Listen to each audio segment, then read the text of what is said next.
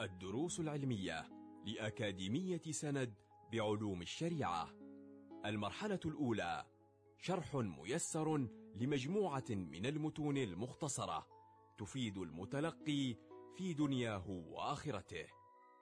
مقرر الفقه شرح كتاب سفينة النجاة مع الشيخ أبي بكر الخطيب. الله الرحمن الرحيم الحمد لله رب العالمين وبه نستعين على أمور الدنيا والدين وصلى الله وسلم على سيدنا محمد وعلى آله وصحبه أجمعين سبحانك لا علم لنا إلا ما علمتنا إنك أنت العليم الحكيم أما بعد فلا زال حديثنا عن أركان الصلاة السبعة عشر وقد تقدم معنا آخر ما وصلنا إليه الركوع والطمأنينة فيه والاعتدال والطمأنينة فيه الركن التاسع من أركان الصلاة السجود مرتين والسجود لغة الخضوع والتذلل. الخضوع والتذلل. وشرعا وضع المصلي جبهته على مصلاه. وضع المصلي جبهته على مصلاه. وضع جبينه جبهته هذه على مصلاه سواء كان المصلى هذا أرض أو فراش تحته أو نحو ذلك. وبقية وضع الأعضاء البقية من أعضاء السجود وهي اليدين أو الراحتين وكذلك أيضا الركبتين وبطون أصابع الرجلين. هذه تأتي كشروط تابعة للسجود لا بد منها وسيأتي معنا إن شاء الله تعالى درس مستقل عن شروط السجود. فالسجود مرتين في كل ركعة يسجد ثم يرتفع يجلس ثم يسجد مرة أخرى. هكذا في كل ركعة. فالسجود لا بد له من وضع المصلي جبهته على مصلاه أي ما يصلي عليه. العاشر الطمأنينة فيه. كذلك أيضا الطمأنينة في السجود هي أيضا ركن من أركان الصلاة. ولا بد كما تقدم معنا في الاعتدال أن ينفصل هويه عن هويه إلى كل سجدة يرفعه أو إلى كل سجدة عن رفعه منها. كل هوي ينفصل عن رفعه منها بحيث هذا يحصل الطمأنينة والاستقرار في هذا السجود. العاشر الطمأنينة فيه هو الحادي عشر من أركان الصلاة الجلوس بين السجدتين. الحادي عشر من أركان الصلاة الجلوس بين السجدتين. ولا بد طبعا أن لا يقصد بالرفع غيره. فلو رفع من السجود لا لأجل الجلوس بين السجدتين ولكن خوفا من شيء كان يمشي كنحو حية أو حشرة خاف أن تؤذيه. فرفع رأسه مباشرة وقال الآن وصلت إلى الجلوس. يحصل هذا؟ هذا لا يتأتى بل لابد ولا يكفي بل لابد أن يكون رفعه لغرض الجلوس بين السجدتين. فلو رفع لغير الجلوس بين السجدتين فلا يعتبر بهذا الرفع بل لابد أن يعود. ويرتفع مرة أخرى كأن خاف من شيء فارتفع. فلما وصل إلى الجلوس بين السجدتين قال هذا الآن وصلت إلى الجلوس بين السجدتين فهذا لا يكفي. لابد أن يكون رفعه من السجود إلى الجلوس بين السجدتين لغرض الجلوس بين السجدتين لا لغير ذلك. وكذلك أيضا هو ركن قصير. ركن قصير كما عليه أكثر العلماء أنه ركن قصير بحيث لو طوله زيادة على الذكر المشروع فيه وقدر أقل التشهد فتبطل صلاته. فيختصر على حسب الذكر المشروع فيه رب اغفر لي وارحمني واجبرني وارفعني وارزقني واهدني وعافني واعف عني. ثم يسجد مرة أخرى فلا يطوله. وقال بعض العلماء أنه ركن طويل فيمكن أن يطوله. الثاني عشر الجلوس في بعد الجلوس بين السجدتين الطمأنينة فيه. كذلك أيضا لابد من الطمأنينة في هذا الجلوس بين السجدتين. الثالث عشر التشهد الأخير. والتشهد هو قولك أو اسم للشهادتين فقط. التشهد اسم للشهادتين. أشهد أن لا إله إلا الله وأشهد أن محمدا رسول الله. ولكن أطلق على جميع التشهد بألفاظه المعروفة التحيات المباركات الصلوات الطيبات لله. السلام عليك أيها النبي. ورحمة الله وبركاته. السلام علينا وعلى عباد الله الصالحين. أشهد أن لا إله إلا الله وأشهد أن محمدا رسول الله أو أشهد أن محمدا عبده ورسوله.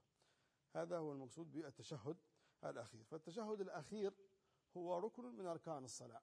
أما بالنسبة للتشهد الأول فهو بعض من بعض الصلاة سنة من السنن وسيأتي ذكرها بمشيئة الله تعالى.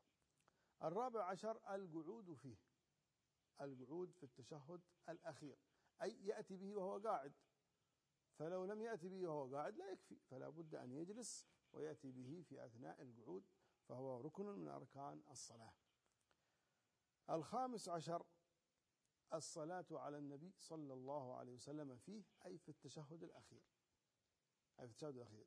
فبعد أن يأتي بالتشهد الأخير السلام آخر شيء أشهد أن لا إله إلا الله وأشهد أن محمد رسول الله اللهم صل على محمد وهو أقله اللهم صل على محمد وأكمله أن يأتي بالصلاة الإبراهيمية. سنة.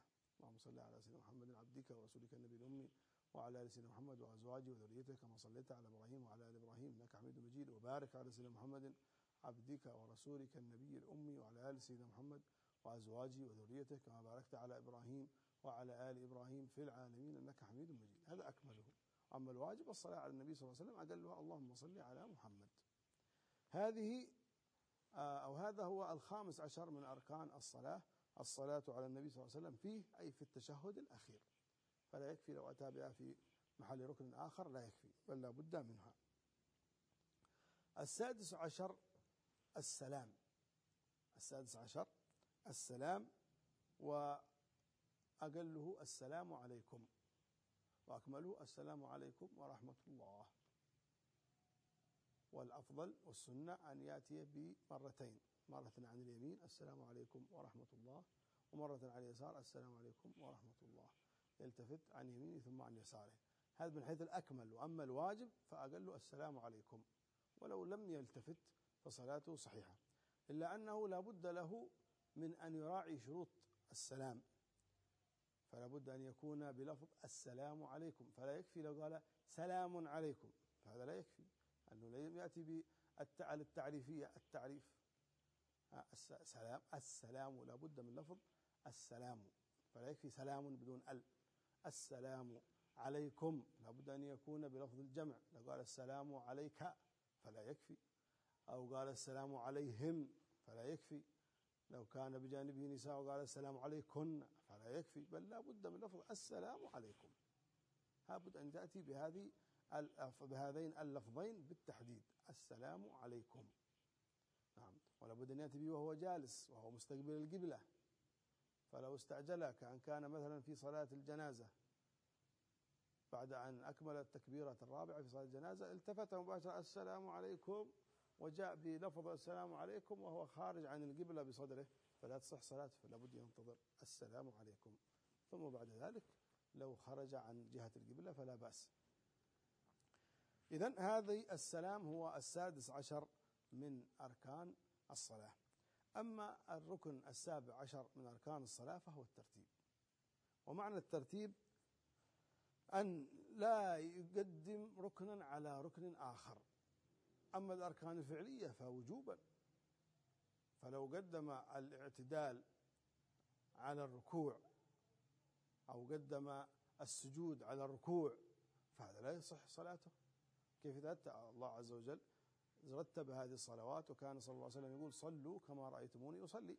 فيأتي أولا بالقيام ثم الركوع ثم الاعتدال ثم الجلوس السجود مرة ثم الجلوس بين السجدتين ثم السجود مرة أخرى ثم الجلوس إلى التشهد الأخير وهكذا بالترتيب على حسب ما جاء عن النبي صلى الله عليه وسلم. فلو غير هذا الترتيب فلا تصح صلاته إذا كان عامدا عالما.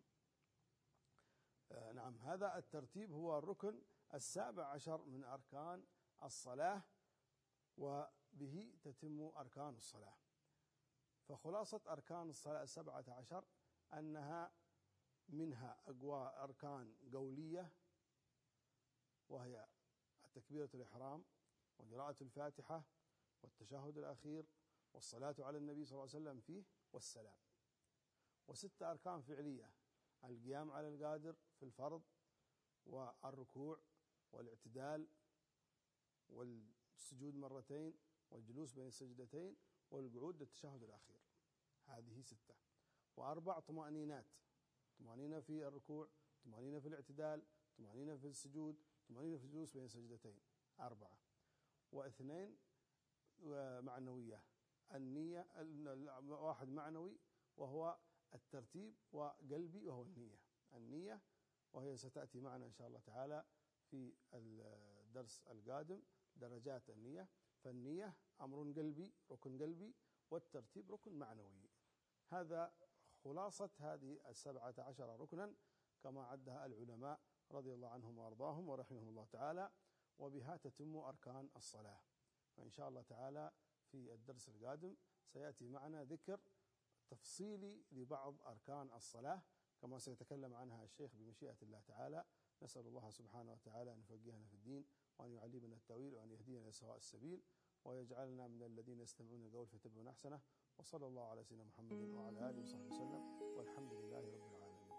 كنتم مع الدروس العلمية لأكاديمية سند بعلوم الشريعة.